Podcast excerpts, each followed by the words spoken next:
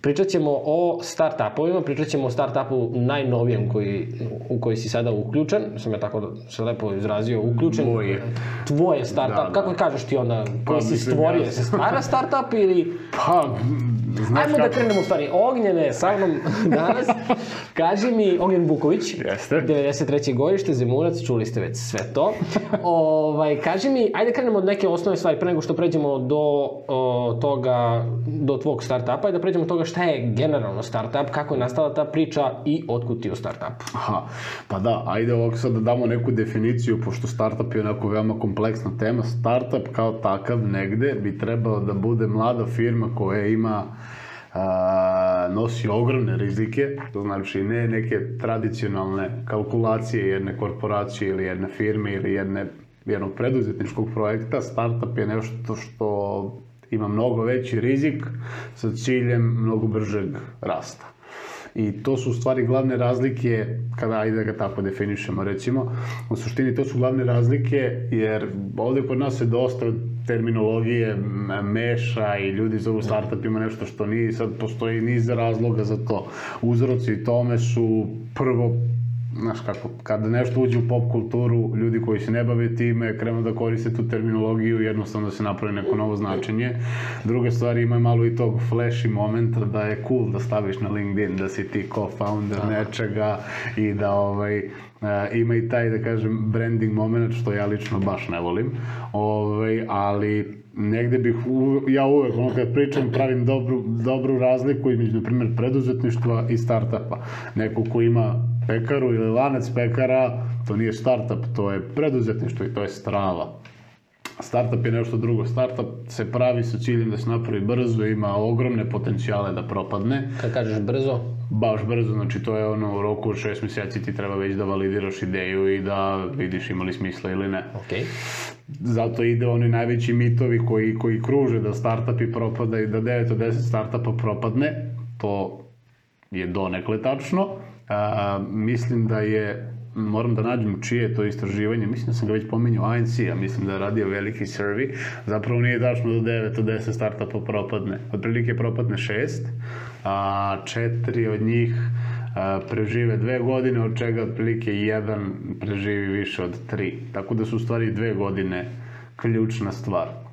Za, osim ako niste baš nešto revolucionarno što će promeniti. Sad sam te da pitam, da li startup mora da bude revolucionarno u smislu da li mora da bude nešto što se niko nikada nije setio ili dovoljno da unaprediš jedan segment? Pa da, znaš kako, ja Šta pa uvek da, polazim da. iz perspektive, a, ja uvek polazim iz perspektive da ako bi imao uopšte šanse da nešto u nečemu uspeš, Mhm. šta god taj uspeh definiše, ali hajde da kažemo da je uspeh da nešto postaviš i da nešto radi i da nešto može da raste, ima ekspanziju. Ajde da kažemo da je to uspeh, ovaj, jer jeste.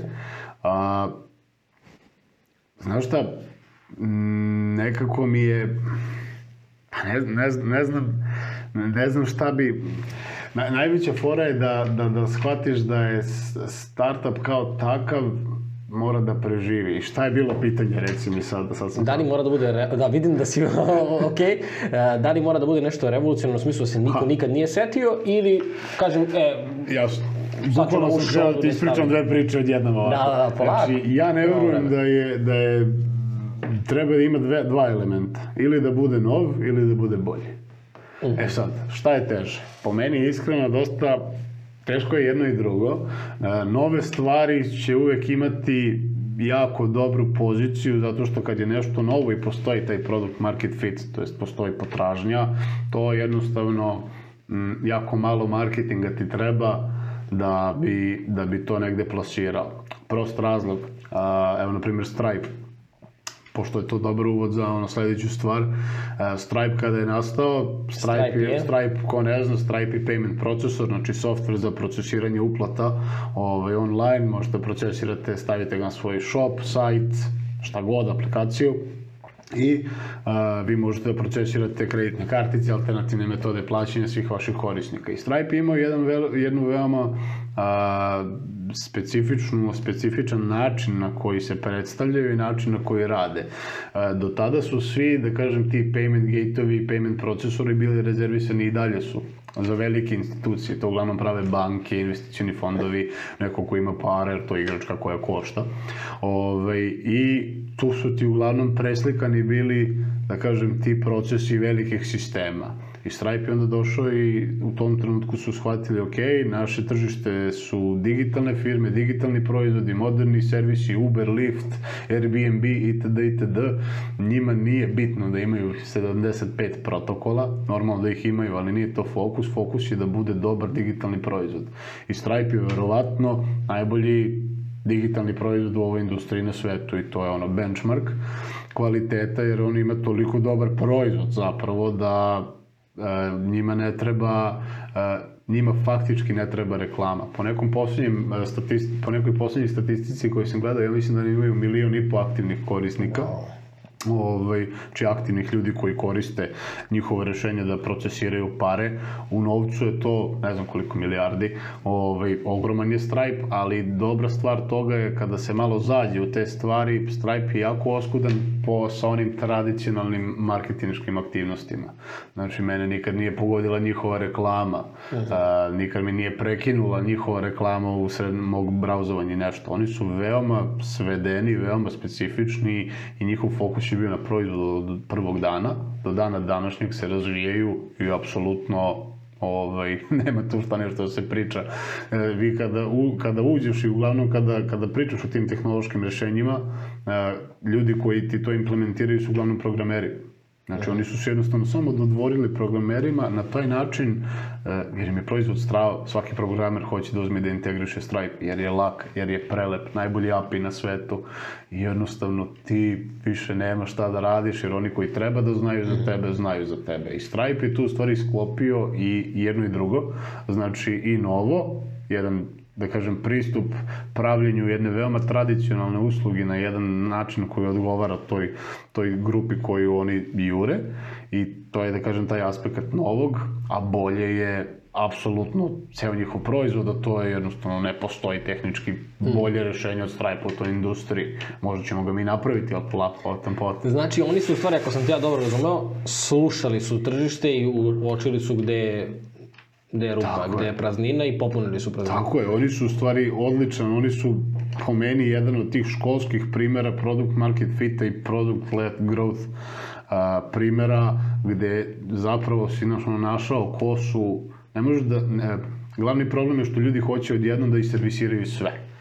I to je ono kad dođeš i ja inače radim kao konsultant i moj najveći zapravo radni, radni vek je kao konsultant samostalni, znači imam firmu, nisam nekoj firmi pripojen, ali moj posao se uvek zasniva na tome da ja dođem otprilike šest meseci sam tu, postavim cijelu ekipu, pozapošljam ljude, rasporedim budžete, napravimo plan kako se radi, imam 30 projekata u portfoliju, uglavnom iz software as a service industrije.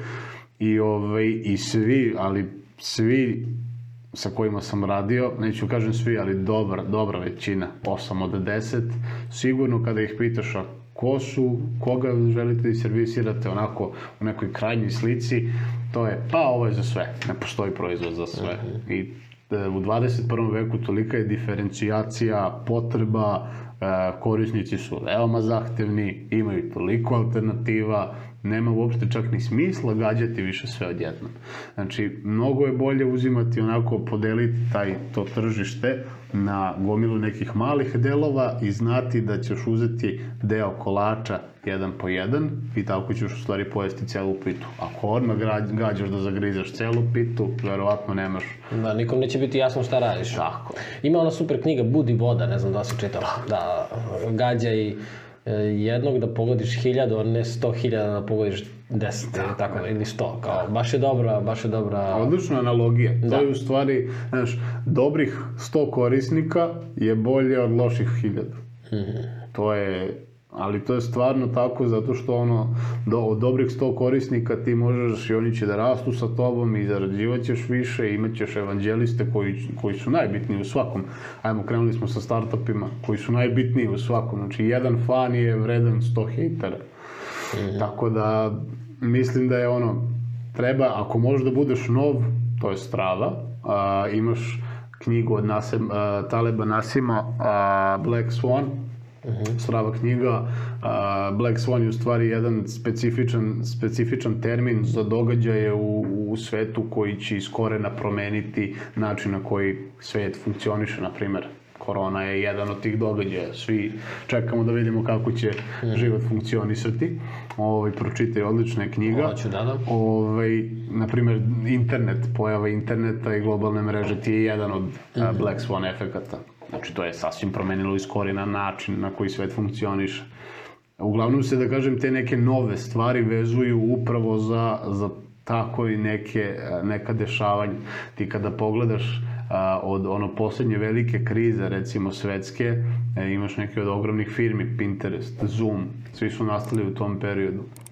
Ima ih sada dosta, ali ovo što mi ono pada na pamet, to znam da sam čitao neku listu. Znači u, svakoj, u svakom tom problemu postoji, postoji jedna prilika i ti događaji koji iz korena menjaju kompletno čovečanstvo su zapravo za neke ljude mogućnosti da dođu na taj ekstremno veliki nivo. Ja sam prošle godine završio saradnju sa jednim od mojih najdržih projekata.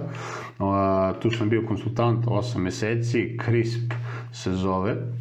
I to je zapravo softver koji radi po principu machine learninga i ubija ceo uh, u stvari to je noise cancellation i reduction software. Kako radi, uh, bukvalno imaju sad gomila algoritama koje radi istovremeno i ti ga samo upališ u brauzeru, bilo gde da si na Skype-u, na Zoomu, na telefonskom pozivu, ne znam, sad sedimo u ovoj prostoriji i imamo dvoje ljudi koji se deru, ti i ja smo na pozivu, ja ga samo upalim i on automatski redukuje wow. sve zvuke osim mog glasa. Strava. I strašna tehnologija. U tom trenutku kada sam ja radio, bio to su moj drugar Arto je jedan od uh, osnivača, inače ekipa iz Jermenije, San Francisco, tako su podeljeni, uh, imaju investiciju, znači sidovani su, dosta su ozbiljna ekipa. Ove, ovaj, oni su u, toj, u tom trenutku bili dve godine tehnološki ispred Nvidia. I to, to su bile ponude za, za buyout i sve živo i kako je krenula korona, oni su bukvalno eksplodirali. Oni su krenuli već jako da rade, ja sam u trenutku kada sam ja odlazio, oni su već bili na oko, ja mislim, hiljadu i po novih korisnika dnevno, što je totalni onako, totalna ludnica, imaju oni veoma dobar model i freemium, da ti možda ga koristiš besplatno ako hoćeš premium feature, naravno, ovaj, moraš da platiš kad je krenulo korona, to je, tipa, ima baš to onaj pravi koki stik rast, jer odjednom e, svi ljudi su prinuđeni da rade da, od da, kuće, da. ljudi koji inače ne koriste ni Skype, ni Zoom, ni Teams, ni Google Meet, moraju da ih koriste i e, to su momenti kada ti radiš nešto dobro ili bolje od ostataka i sad odjednom imaš situaciju da, da si totalno nov, da je neko novo okruženje i da to tebi donosi neki benefit. Mm -hmm. Tako da ove sve stvari s ovim ekstremnim promenama su uvijek i prilike i to je jedan od dobrih načina kad god se, kad god se desi neka tako korenita promena, svi ono iskusni vuci su već u, već su u pokretu i već vrebaju, da, da. Tako je, jer to je jedan od jedan od sigurnih načina da dobiješ dobro tlo da u nečemu budeš prvi. Jako je teško biti prvi u 21. veku. Mm -hmm. Mnogo je lakše biti bolji, a veoma je teško biti bolji. Veoma je teško biti bolji. Bolji, aha, aha. Kaži mi, otkud ti uopšte u startupu? Šta je, šta je tebe to privuklo da ne otvoriš lanac pekara pod pa prvo nisam imao od koga da nasledim pekare. Aha, okay. ovaj, A da budeš prvi pravi, teško. tradicionalni biznis. A, ovaj, a da budem prvi teško, ima baš dobrih pekara. Ovaj, ja sam sa startup kulturom se negde, pa da kažem, prvi put susreo, pa, pa hajde da kažem da to negde kraj srednje škole, početak fakulteta.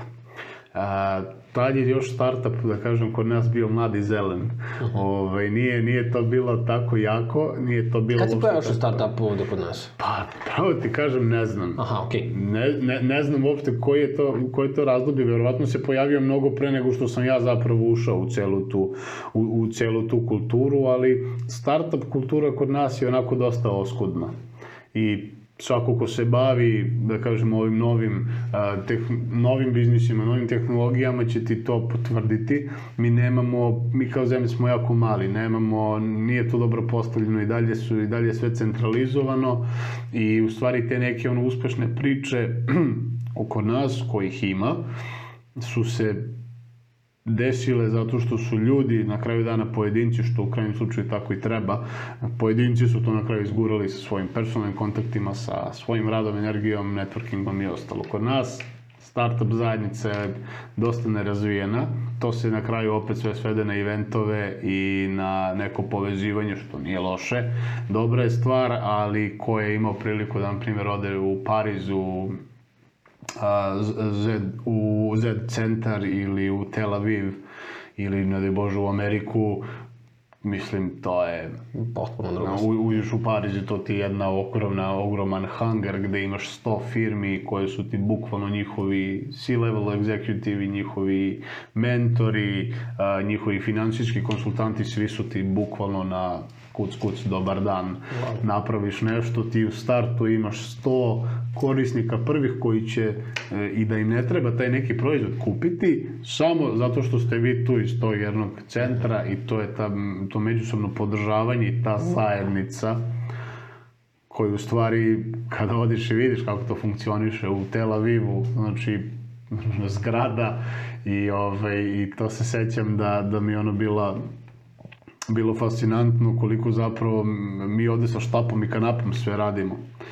Sada već ne, sada već imaš dovoljno iskustva, pa malo imamo i resursa da ulažemo i ono, ovo je neka posle 50. priča kada praviš nešto si zaradio, pa nećeš sve raditi sam i već sada imaš i kontakt i ekipu, ali u tom nekom periodu, da kažem, odrastanja u poslovnom svetu sam u stvari shvatio koliko mi to sve radimo sa štapom i kanapom i koliko su ti nekim razvijenim tržištima i, i zajednice razvijenije, koliko imaju više finansijskih sredstava, resursnih sredstava, to je ogroman jedan problem ovaj, sa, o kom niko ne priča, jer nekako je ovde uvek bačena ta senka da sama činjenica da imaš posao ili da imaš šta da radiš je ti si uspeo u životu, a situacija na tržištu nije baš takva. Ta borba za talente je nikad veća.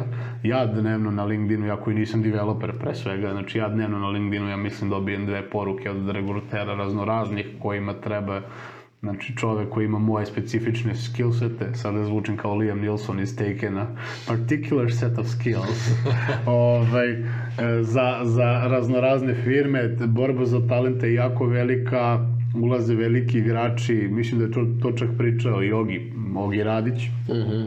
Pozdrav za Ogija, naravno. Pozdrav za Ogija. Ovaj, uvek ga pozdravim u svakoj emisiji, počet će stvarno da ono, sledeći. Moraš da ga dovedeš sa sobom, bre. ovaj, on je to pričao, on ima jako lepu tu stvar sa kojim se ja slažem, jako je, ulaze veliki igrači koji koliko god da smo mi povezani, iskusni u toj stvari, da imamo dobre konekcije, koliko god da si ti to, oni su veliki, oni imaju unlimited resursa, pouzimaće sve što treba, u krajnjem slučaju ti nemaš para da se takmičeš sa njima. Kažem kako se postaje veliki igrač. Mo, jel misliš da je moguće postati ovde, na ovim prostorima, ili misliš da je pametno otići preko, postati veliki igrač i onda ovde napraviti imperiju? Znaš kako? Mislim, znaš u kom pravcu, da. da li si me razumio u kom pravcu Jesam. A, veliki igrač lokalno je i dalje mali igrač preko. Uh -huh. To je, ja imam drugare iz Amerike koji su onako, znaš, ti ovde imaš sada, na primjer, neku, naš veliki igrači su ovde recimo par miliona preko 10 miliona, to je već ono, i svaka čast, sve to, sve to uspeh, ali, na primjer, onda imam ekipu moju, mojih drugara iz LA-a koji su, ono, recimo, na 200-300. I to su, znaš, ogromne razlike, a razlika u radu nije nešto specijalno reći.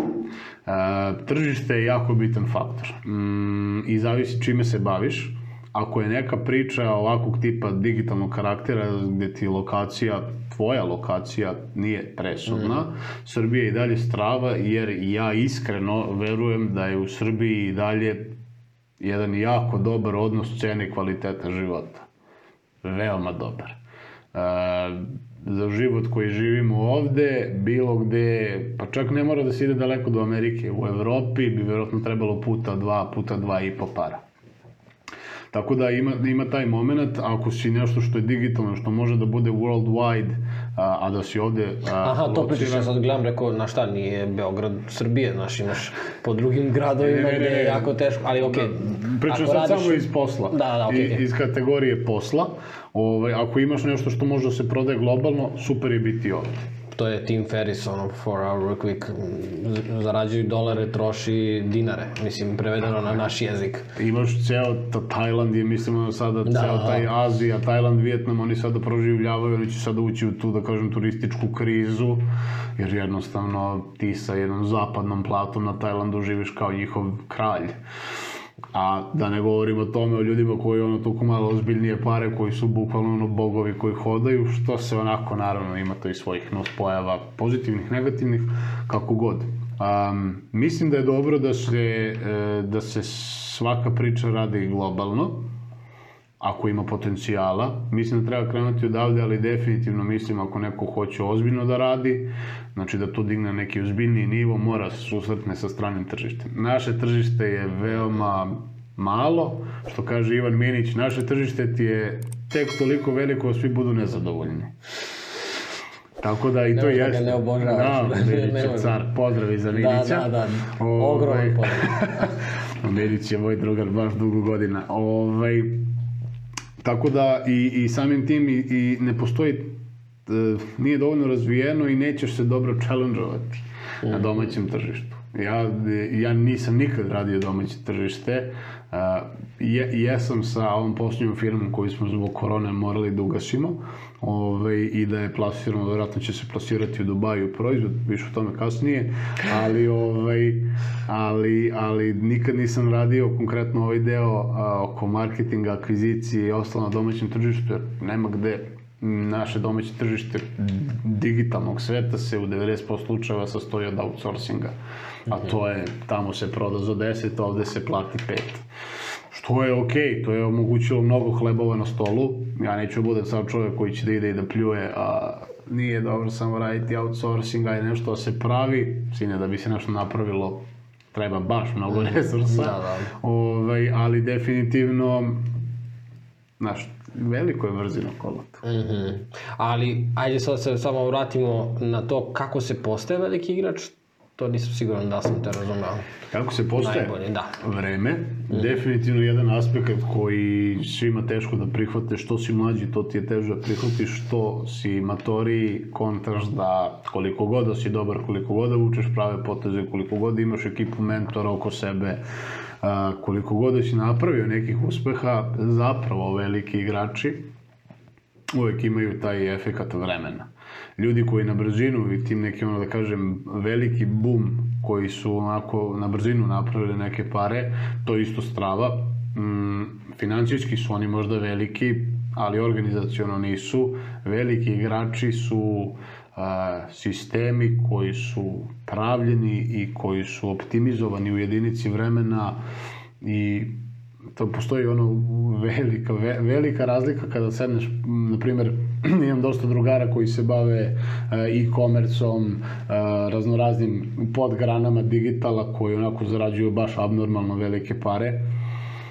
To su financijski veliki ljudi. Znači, ti kad pogledaš njihove financije, da, oni imaju dosta financijskih momenta kod sebe, ali nisu samo pare nešto što čine velikog igrača. To su i procesi, i, i ugovori, i advokati, i znanje kako šta peglaš i, i to je nešto što je onako velike firme to imaju, samo ljudi koji su samo zaradili pare to nemaju i u jako su negativnoj poziciji ako se ikada desi međusobni clash, a što si veći imaš više clashova jer jednostavno tržište ti je kao Kažeš clash, na što misliš? sudar interesa Aha. Mm, konkurencija. Ne, mm, tržište ti je kao jedan, jedan da kažem oval, ka, kao jedan poslužavnik i ti kako rasteš, kao da prospeš neko mastilo i ti se širiš. Onda ti imaš konkurenta koji to isto prospe. U nekom trenutku je neminovno da ćete se sudariti. Sad je samo pitanje ko će koga da prelije. U korporativnim, u korporativnom svetu, ako ne možeš da ih pobediš, kupi ih. Tako da ima gomilo tu stvari, startupi e, koji teže da postanu veliki, uglavnom tek imaju ozbiljne probleme kada krenu da bivaju zapravo veliki. To ono sa čime sam se susreo na par projekata, znači sve dok si ti mali, dok imaš ono prvu rundu akvizicija, prvih par hiljada, desetina hiljada korisnika, to je super, to je lepo, pravi se kancelarija, širi se kancelarija, sve ove lepe stvari se dešavaju i ulaze pare, team buildings i to je lep deo posla. E, nagrađen si za nešto što je krenulo da radi i to je jako lep moment posla, jedan najlepših u svakom poslovnom iskustvu. E, kasnije kreću ozbiljne ozbiljne stvari, a to je globalno tržište, što znači da, evo sad samo mislim, samo da ti par stvari kažem. Prodaješ na globalnom tržištu, gde, si, gde si registrovan, kako, kako ti je tu načinno poreska struktura. Na svakom tržištu gde imaš neki entitet ili registrovanu firmu, moraš da vidiš koja je to jurisdikcija, da imaš advokate tu. Advokati su papreno skupi svuda u svetu. I konsultanti svuda, e, kulturološke razlike, e, način na koji tržište funkcioniš, opet se vratimo na to jurisdikcije, ne možeš, moraš da prilagođavaš svoju uslugu svakom tržištu toga, e to su ti bolovi rasta. To su samo neki onako, on, što se kaže on top of my head, I tu zapravo startupi imaju najviše problema, jer ti iz jednog tog uh, brzog, malog sistema gde se sve rešava brzo, gde ti imaš foundere tu i sve ljude u jednoj prostoriji ili ono, vrlo su blizu, ti se treba da uđeš u jednu veoma veliku strukturu, da se obezbediš pravno, logistički, a, financijski i igraš jednu totalno drugu igru I u tom nekom periodu su naj, si najranjiviji, jer onda upadaš i na tržište velikih dečaka koji se tako igraju već dosta dugo i onda kreću troškovi bilo čega administrativno-operativnog na tim nivoima su papreni. Ja da sam bio pametniji, bio bi advokat u životu. ovaj, a, jednostavno, naš, da bi bio veliki treba ti treba vremena. Treba se prežive sve te bolesti treba iskustva. Ono što meni jako smeta u toj, da kažem, startup industriji, zašto mislim da si osuđen na to da ne budeš veliki, je zato što svi hoće da preskaču kamenčiće. Svi hoće da nađu neku, neku stramputicu, nešto, neku prečicu da se do toga stigne. Mm, to je super i ja bih, stvarno bih voleo da mogu ne, za nedelju dana da ovaj, zacrtam sebi neki cilj da se firma procenjuje na 50 miliona, ali to ne može da se desi. Jedno, ili čak i da se desi nije dobro jer si sebi oduzeo sve mogućnosti da naučiš kako se hendlaju te stvari. Znači, kako ti da se ponašaš kada si toliko velik. To je jednostavno, moraš sebi da daš prostora i, firmi, i ljudima u firmi, i ljudima koji je vode, moraš da daš prostora da, da, da, da, da prožive sve stvari koje su došle do toga da su oni postali toliki. To je iskustvo neverovatno. Ja sam imao ovaj a, razgovor, super analogija sa jednim mlađim ovaj, kolegom kog neizmerno volim i, i kog ovaj, koji je sa mnom na svim projektima, to je klinac koji je došao, samo je se pojavio jedan dan je bio u fazonu, e, ja brate znam šta ti radiš, ja hoću da učim, te ne treba mi ništa i od tad smo u komunikaciji. Koliko je to strava, da. Na, jedan prepametan ovaj čovek koji je u nekom trenutku ovaj došao i bio u fazonu nešto ja hoću da pokrenem svoju agenciju, to je recimo bilo tri meseca od našeg upoznavanja. Ja sam ja bio, ok, mislim, super, jako je to lepo i ja, ja prvi to podržavam, ali zašto, zašto preskačeš korake, pritom nemaš, ono, nemaš, da li imaš 21 godinu navršenu u tom trenutku, neće ništa pobeći.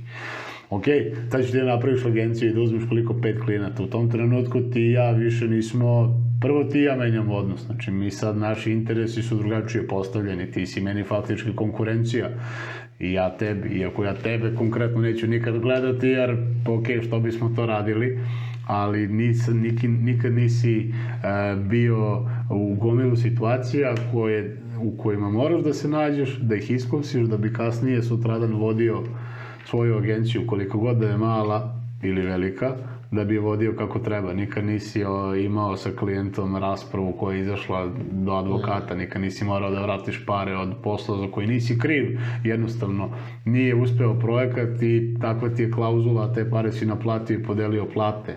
E, nikad nisi sedeo sa ljudima sa kojima moraš da sediš samo zato što je to poslovni interes, a ne tvoje personalna preferencija i hiljadu, hiljadu još nekih nikad nisi. Onda sve to kad se sabere, nikad nisi imao, nikad nisi podigao kredit, nikad nisi bio u dugu finansijskom, nikad nisi čekao obrt.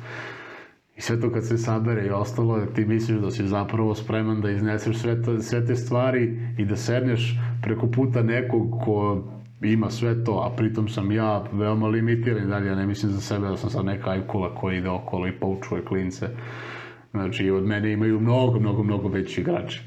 Tako da, mislim da je jako bitno da svi ljudi uzmu uzmu to vreme i da prođu sva ta iskustva, jer to iskustvo koje ti dobiješ kroz rad je nešto što je, naj, nešto što je najbolje u svakom poslu ovakvog tipa. Sve što praviš, sve što se kategoriše kao startup ili što iziskuje tvoj neki rad, nešto što se pravi, da li je to agencija, da li je to a, agencija koja prodaje podcaste, da li je to software, da li je to bilo šta, treba ti iskustvo, treba ti kontakti, a, treba ti gomilu nekih stvari do kojih ćeš jako teško doći ako nisi to prošao sam. I to je veliki problem ove industrije, što su ljudi više fokusirani na tu sliku i kako ih drugi ljudi vide, mm. nego na ono što zapravo rade. Da, da. Kaži mi, kako se postaje veliki igrač u? Šalim se. Pobediš da, sve da. ostale. Ne, ovo, si, ovo je stvarno, mnogo, mnogo mi se dopada. Uh, nešto što mi je kao ostalo dok, dok si pričao, to je da kao ti kad imaš 21 godinu, ili ja, ja bar iz mog iskustva, ja sam mislio da sam sa 23 ono zakasnio da ništa nisam uradio, da više nema vremena, da je ono, iako sam znaš, napisao knjige, radio i sve tako da, ali sam nekakav utisak, znaš, nisam se baš ostvario kako sam ja zamišljao i drugi ljudi su mi govorili bravo, uspešno si strao, kako ti znaš šta hoćeš i tako dalje.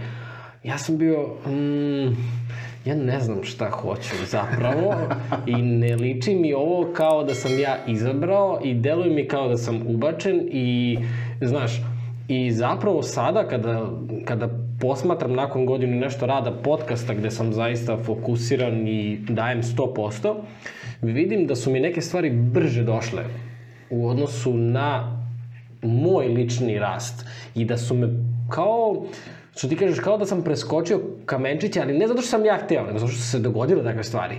I gde sam ja bio u pozonu, mm, znaš, ne, ne znam šta sad da radim s ovim. Kako je? Znaš, i kao sada sam kao u fazonu, wow, koliko je zapravo dobro kada ideš polako i kada učiš u procesu i kada ja dajem milion puta te primere, ali daću opet, a to je kada ne upalimo rasvetu u jednoj epizodi, kada u jednoj epizodi ne radi mikrofon. Kao, Znaš, sve se to dešava i učiš kroz te stvari. Tako je. Znaš, ali da sam preskočio i da sam sada, ne znam, od, od jednom krenuo u najvećoj mogućoj, ti sad ušao i rekao kao pa mi je dobra produkcija. Ali, znaš, mi smo krenuli sa telefonima smo snimali. Znači, sa mikrofonom koji snima jednu osobu. a ne dve. Mi smo snimali dve. Me razumeš? Znači, konstantno ideš i kao, ok, aj sad naučiš jednu stvar, naučiš drugu, naučiš treću. I tako u stvari dođeš do toga da Tako je. To je, to je cijela priča. To je, to je cijela priča. Ako hoćeš nešto gotovo od starta, onda ga kupi. To je, ali tu nema, Mislim, ono, e, im postoje stvari koje se kupuju na gotovo, rešenja koje ti trebaju da rade i da su savršena na gotovo. I to je u redu, to se kupuje, to su konsultinzi, to je super stvar. Razlika između ono, znaš, kad kažeš konsultant, to zvuči dobro, to zvuči jako. Ja sam konsultant ovaj, i ja prvi kažem konsultanti su samo preplaćeni freelanceri u zavisnosti od toga koliko veliki problem rešavaš, toliko si plaćen. Ima konsultanata koji, onom, koje naplaćuju 15.000 dolara sat nisam taj. Da, dobro, ali zavisi koji problem rešavaš. Ako ti meni rešiš problem da zaradim 150.000, ja ću rado da ti dam 15.000. Upravo, to je to. Konsultant je samo neko ko dođe i ima e, instant rešenje na tvoje probleme. To su, mm. to je u stvari e, gomila tih, u stvari to je ta zapadnjačka kultura startupa koji, ovaj, ja sam imao tih nekih par onako većih, da kažem, uspeha sa tom, e, da kažem, felom iz San Francisco koja je onako veoma specifična i onda se to ti bukvalno opet vreme i, i, i rezultati i nešto što si dao da prođe, što ti kao efekt grudve. Onda ja, da. ja, nemam, ja nemam sajt svoj, ja agenciju ne, nemamo sajt, nikad nisam nastupao kao agencija. Ja imam par ljudi sa kojima radim stalno, jer ne mogu izneti taj posao samostalno.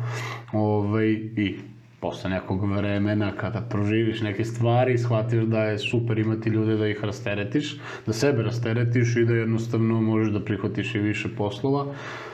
Jednostavno, taj moment je, znaš, vreme je jako bitan faktor. I to što si ti rekao, ja sa 21, sa 22 sam isto mislio da kasnim. Ovaj, ja sam tad, to je već, pa da, to je već tad si na fakultetu, mada sam ga ja tad već stavio totalno drugi plan. Ja sam inače bio na mašinskom fakultetu i to mi je jedina stvar u životu u kojoj se kajem. Ne zato što je fakultet loš, nije ni dobar ako mene pitaš, ja sam ga pogrešio, ja nisam čovjek za, za to, ovaj, i za tu sredinu i za tu nauku i donelo je gomilu sigurno nekih dobrih stvari, ali mislim da mi je oduzelo dve, tri godine apsolutno života koje sam mogao staviti nešto drugo, pritom sam ja jako rano krenuo sa freelancingom, kasnije sa digitalnom i, i, i ostalo.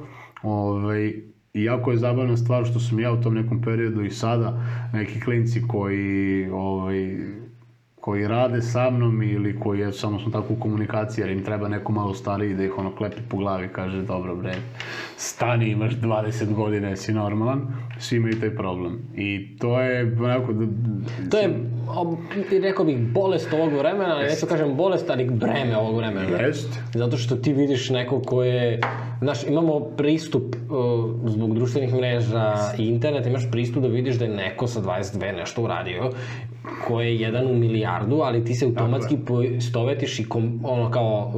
Uh, Što ja nisam. Tako je. I porediš se s njim i onda kao stvara ti si, znaš kao, zašto ja ne igram u Real Madridu? Druže, ne igraš u Real Madridu zato što nisi od devete godine na terenu i jeo blato, razumeš, do 17 dok te neko nije vidio i to je i efekat sreće, efekat pravog vremena, efekat tvog rada, Tako. milion nekih drugih stvari, me razumeš? Fakt. I kao, ja ne igram u Real Madridu, znaš, mislim, Jeste. Znaš, nije je... lako to nositi, ali je super kada izađeš iz toga. Jeste, evo ja sam u netokraciji skoro, baš smo ono imali jedna nesvakidašnja tema, pošto sam, to je bilo na temu tog hustle porna i tog Gary V kulture, nećemo se vraćati na to, ovaj, ali meni je ono što smeta lično, a, tu je zato što upravo gomila mladih ljudi koji imaju potencijal strašan, pregore. I okej, da- Ali znaš gde pregoriš, izvini sad, ne, ne pregoriš ti zato što radiš koliko je Gary Vee, znaš, pazi, većina ljudi, pregoriš zato što nisi poznat i nisi prihvaćen od strane sveta kao Gary Vee, što tebe, ne, ne znači na tebe fizički rad, Tako mentalni rad, tako nego tvoja slika koju Tako imaš o sebi se ne uklapa. Tako je. I to je zapravo, ali to je ono što Gary Vee priča sve vreme, ali ga ljudi ne slušaju, a to je, ja, meni nije stalo da budem poznat, meni nije stalo da ti kažeš ja sam nešto dobro rekao, meni je stalo da dam vrednost. Kao, to je ovaj podcast za mene, znači ja sam bukvalno ušao u takvu priču, meni nije stalo da će 70 ljudi da pogleda i 70.000. Meni je stalo da ti i ja imamo dobar razgovor i da ovo ima vrednost za nekog ko sluša, za tebe i za mene. Da. E me razumeš? Da, da. I ne interesuje. 70.000 strava, 70 ekstra. Da, sve je cool. E, me razumeš? Sve je cool. Ne patim, ali ne kažem da to nije pre tri godine za mene bilo jako bitno. Znaš kako? Znaš, ali izađeš iz toga i mnogo je... Svi, e, znaš, jako je bitno i ljudi jako bitno je da pratiš sebe i u nekom, i da pratiš svoj razvoj. Svi smo imali taj moment. Apsolutno. Znači, ko kaže da je rođen sa totalnim a, odsustvom zainteresovanosti za spoljni faktor, taj laže, svi smo prošli kao to. Naravno, kad si tinejdžer da želiš da budeš najjači, da si najveća glava u kraju i da jednostavno to je tako. Od, odrastaš i sazrevaš kada počneš da profilišeš stvari koje su ti bitne. Pomenuo si jednu tu strava temu, znači to buž- bukvalno može bude podcast sam za sebe, a to je taj način na koji ono ti percepiraš, vidiš stvari i na koji ono u stvari ljudi vide tebe sa društvenim mrežama, sa Instagramom pogotovo, koji je najveći kancer socijalnih mreža, apsolutno, koliko ima super stvari. Znači, tehnologija nikad nije dobra ili loša. Sad sam da Tehnologija reci je- kako ga koristiš, je, znaš. tehnologija je tehnologija. Kako ga ti koristiš je dobro ili loše. A, tu postoji opet, kažem ti, ljudi su generalno dosta primitivna bića, dosta. Još uvek. Još polako, uvek biće, na tome, biće, najmlađa biće, vrsta na planeti biće. Zemlji. Ali, ovaj, znaš, i, i jako postoji taj moment da se ljudi vide i stalno se e, upoređuju mere sa nečim, ali i to sa druge strane nije realno. Ni to sa druge Uopšte, strane real pa to su priče koje mi pričamo sebi, imaš ono pripovedačko ja, imaš ono ja koje radi. I pripovedačko ja, znaš, ima niz nekih eksperimenata gde, da sad ne ulazim u tu temu, ali neka dužina bola, hlad, u hladnoj vodi i tako dalje. Pripovedačko ja je, može tako da te izmanipuliše da budeš duže u hladnoj vodi, ali ako na kraju dobiješ bombonu, ono kaže, aha, ali ovo je bilo dobro i podeli, napravi uh, presek i kaže, ok, bit ću duže u hladnoj vodi, sam dobio bombonu. Iako si, kad si držao 3 minuta, nisi dobio bombonu. A kad si držao 5 minuta i dobio bombonu, ti biraš i dalje. Mislim, hoću ti kažem kao kakve mi priče, kako mi sebe obmanjujemo. Ali, ajde da ti ja krenemo o projektu koji je sad aktualan. To je projekat Bridge. Bridge. Jasno. Ok. Šta se tu dešava? To je tvoja priča. Jeste. Uh, Zašto? Kako? Šta je Evo Bridge? ovako, da. Pa, posle, ovaj, posle korone i celog, da kažem, gašenja Barkoda u Srbiji, Barkod je bio moja prethodna firma, u Srbiji nismo uspeli da ga plasiramo na način na koji treba. U stvari uspeli smo, ali došla je korona i za nedelju dana smo bukvalno sve, svi klijenti su obustavljeni. Ove, to ti je jedan Black Swan efekt na koji nikad nisi mogao da računaš tehnološki on i dalje postoji, radit će vjerojatno na nekom stranom tržištu koji ima dovoljno para, u Srbiji ne. I, ovaj, I meni je ideja o Bridge-u, Bridge je zamišljen kao payment procesor, to je software i rešenje za procesiranje uplata na internetu. I to sad ovako kad zvuči, to je, mislim, to je industrija sama za sebe, nismo mi izmislili toplu vodu, niti bilo šta. Ono što je veliki, ono što meni već mesecima stoji u glavi, ja ga imam, znači u glavi već znam kako radi, znam šta treba da reši, s tim što je to verovatno najskuplji projekat koji sam ja pokrenuo. Znači, sama činjenica da ti imaš nešto i da radiš sa bankama svuda po svetu i da se baviš procesiranjem novca, veoma skupa igračka. Znači, nešto veoma skupo, odmah kažem to, ja nemam dovoljno resursa da ga sam iznesem, sva sreća ima jedan jako lep moment, mala digresija sa ovim stvarima što radiš i sa svim, sa podcastima, sa povezivanjem sa networkingzima i kada si dobar u svom poslu, imaš jedan jako bitan moment u poslovanju, a to je taj neki social credit ili šta god.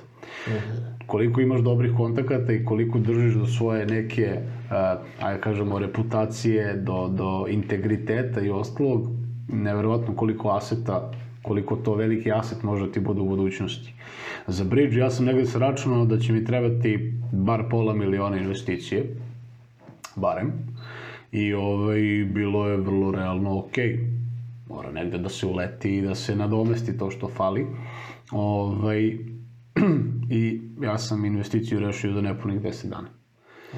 I to na kraju, e, ne zato što sam ja sada ja nešto bitan, bukvalno samo imam spektar jako šarenolikih ljudi. Ono što mi je bio cilj je, imao sam dve opcije, ili da idem sa privatnim, a, privatnom investicijom, znači to je mali, to nisu veliki investicioni fondovi, to su uglavnom private venture fondovi koji ima na par pojedinaca, s njima je mnogo lakše raditi, jer svaki put kad uđeš sa investitorom, to je u- još, još neko ulazi u brak.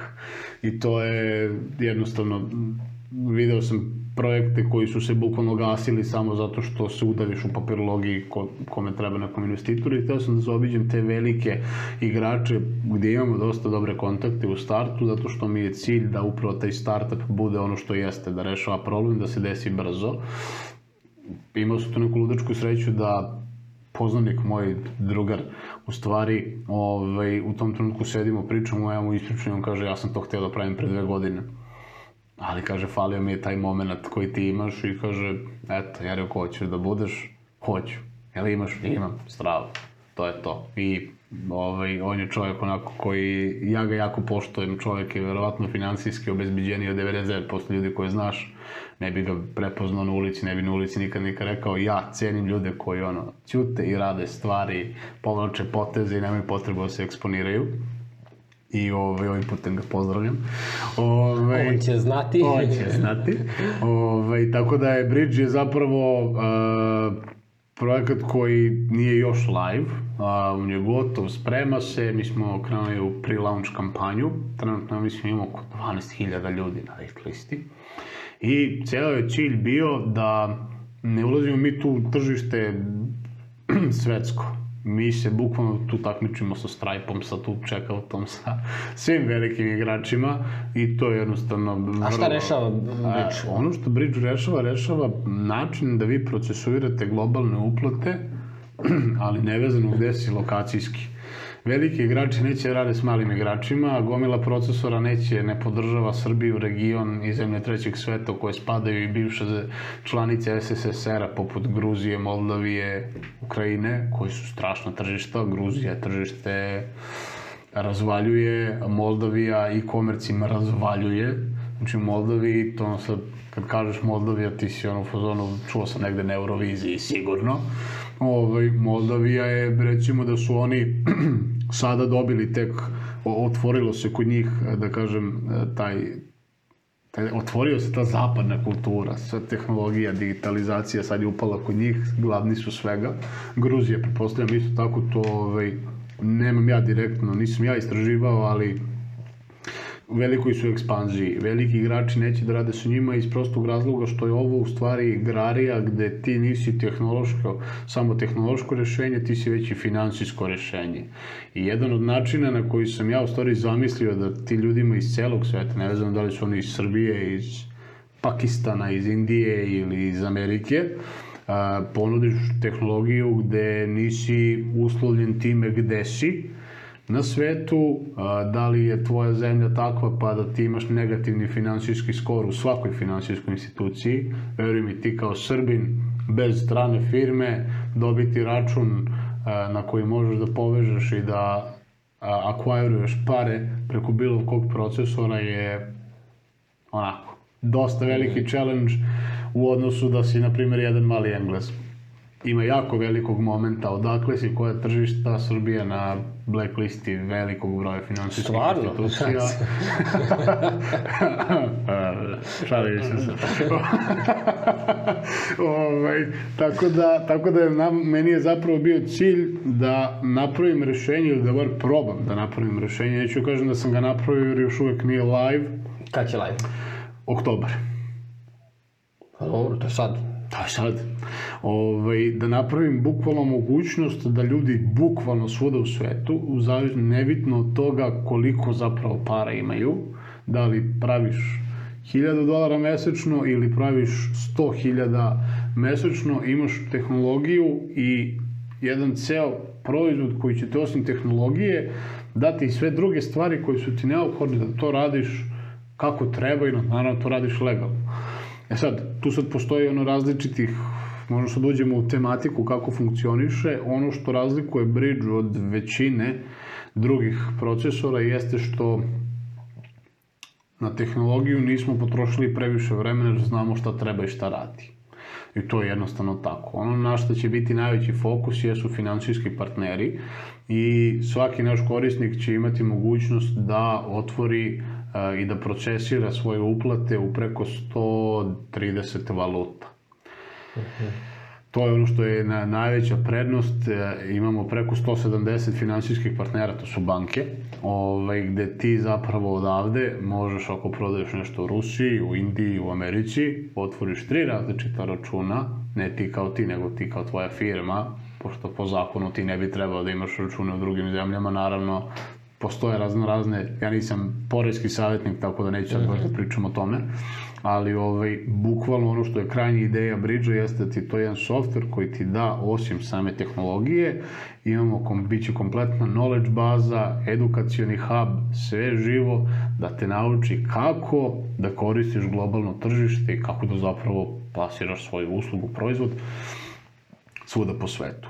Fokusirani smo pre svega na e-commerce, iz prostog razloga što sam ja deo te dropshipping zajednice, hteo ne hteo, ovaj, o, već godinama i broj jedan problem za sve ljude koji se bave e-commerceom, dropshippingom je ka, ka, s kojim procesorom da rade. I ti si uleteo sa I procesorom. ja sam uleteo sa procesorom. To je ona potražnja. Sad razumem, sad sam te tražio, znam da je bridge nešto, znači kao most između mene i, ok, strava, strava. To smo uleteli sa, to je jedan od razloga. Ovaj, prvo da što imamo ovde gomilu ljudi kojima treba ovo rješenje. Druga stvar, slika iz Srbije je veoma slična slikama iz regiona.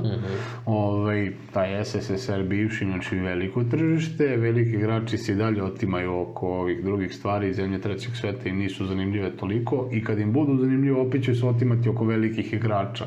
Ti kada si klinac koji ima e-commerce shop koji ne pravi 500 dolara, nikome nisi zanimljiv, on neće ni da troši svoje support vreme na tebe. A veoma je velika mogućnost da taj klinac od 500 dolara može da uzme i da pravi 50, 60, 70 hiljada. Aca Stanić koji je, kog sam upoznao pre 5-6 godina kad smo obojica radili dropshipping, čudo napravio od njega. Tako da ima velikog potencijala u tom, da kažem, mikro e-komercu, ovaj, koje mi zapravo želimo da ovaj, nagazimo i ono što je najveća razlika između, da kažem, bridža i svih ostalih gatewaya, što lokalnih, što, ajde da kažemo, internacionalnih, je što se svi uglavnom fokusiraju na to jedno tržište, imaš lokal, lokalnih procesora koliko hoćeš i svi su dobri. Ne mogu da kažem neki manje, neki više, jednostavno se fokusiraju na domaće tržište na dinar. To nije rešenje koje mi, to nisu moje konkurencije, ja sam skoro sedao sa drugarom koji između ostalog radi u jednom i kao mi smo konkurencija, pa nismo. Mi bio imam 100, 130 plus valuta i 170 banaka s kojima radimo, znači moj korisnik može da bude globalan. Tako da ne fokusiram Jel ima i se- engleski i srpski ili ćeš samo na engleskom da držiš? A, Hub, objašnjenje. Aha, jasno. A, trenutno softver je preveden na 23 jezika. ovaj, a, Trebalo je da googlam, brate. Da. O, ovaj, ali, ali to je samo deo softvera. A, celo, celo da kažem, ovaj, prvi jezik će biti engleski iz prostog razloga što opet mi smo globalno. A, ono što je lepa stvar što ćemo naravno support tim će pričati srpski. Ovaj, tako da će to dosta toga pomoći. Imaćemo naravno i edukacije i, i, i, i da kažem taj help hub i na srpskom gde treba ono što je najveća stvar koju ja mislim da će napraviti razliku a, je način na koji će se promovisati, a to je samo kroz ljudi iz industrije koji će da ga koriste i koji imaju veliki following u tim industrijama. To su znači influenceri, afiliati, kako god da ih nazovemo. Trenutno ih imamo 46, a, sa kojima smo i saklopili saradnju. Nick Peroni je jedan od njih. A, Nick Peroni je jedan najvećih ono, Shopify e-commerce grupa, 80.000 ljudi. A, naravno, lokalno Aca Stanić koji ovaj, radi to dosta dobro. Um, a, Gusten San koji je moj personalni drugar koji je jedan od top 50 ClickFunnels a, on je bio sa mnom u beta testerima ClickFunnelsa, ima čovjek agenciju za, sa kojim pravi milione. E, bukvalno je čovjek od svoje agencije je napravio proizvod. Izvukao, on radio web dizajn, mm, napravio je 50 dizajnova koji se uvek prodaju i bukvalno napravio proizvod oko toga i sada klijent kako mu dođe, on im da samo pristup tome, naplati kao da ima klijent, to je to. Ove, jako, jako dobri ljudi u tome što rade, e, bit će nam za njihove u stvari use case-ove će bukvalno da uzmu i da isčerupaju naš software vide kako, šta radi kako se koristi. U stvari mi je cilj da kad je neko zainteresovan, na primjer, za dropshipping, strava, imaš Nick Peroni, imaš Acu, imaš Abdullah Džahara koji isto razvaljuje, to je ovaj deo azijski deo ovaj, a, i da bukvalno vidiš kako ti ljudi rade kako su se oni, znači ono, koji je dovoljno dobro za njih, sigurno će biti dovoljno dobro za tebe. Software as a service industriju napadamo, tu su nam baš lični kontakti, ovaj, pošto imamo i recurring billing i sve moguće module naplate. Ovaj, e, tako da se onako fokusiramo ono što sam ti pričao na početku kad smo seli, imam par industrija, znači e-commerce, dropshipping, imamo software as a service, imamo gaming, i još jedno, to je gambling.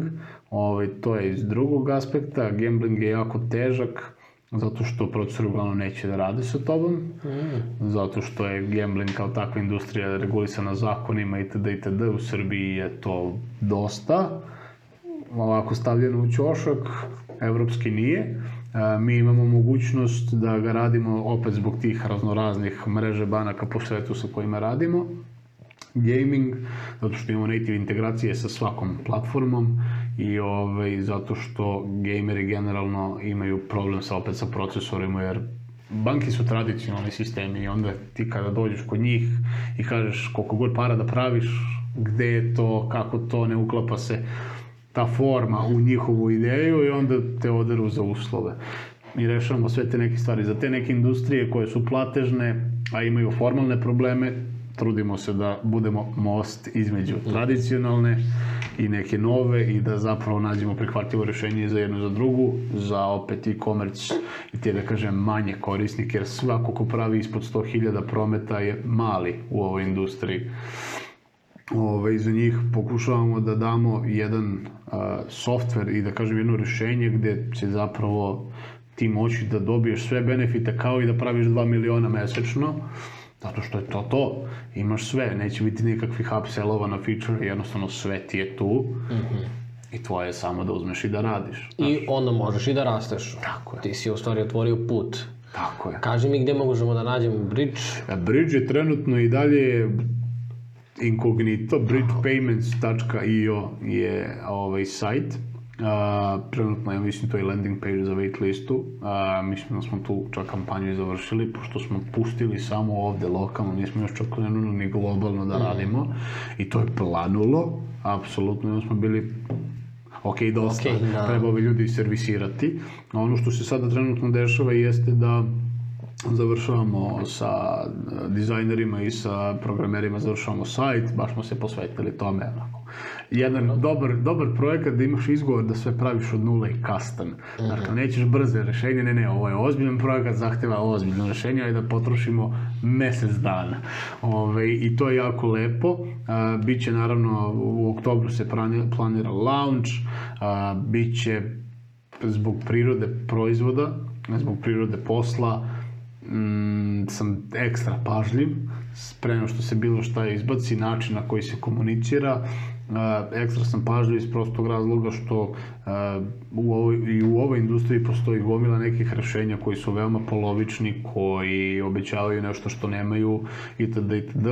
To ne želim da dođem do toga, tako da kad se bude lansirao imaćemo sigurno sve na mestu.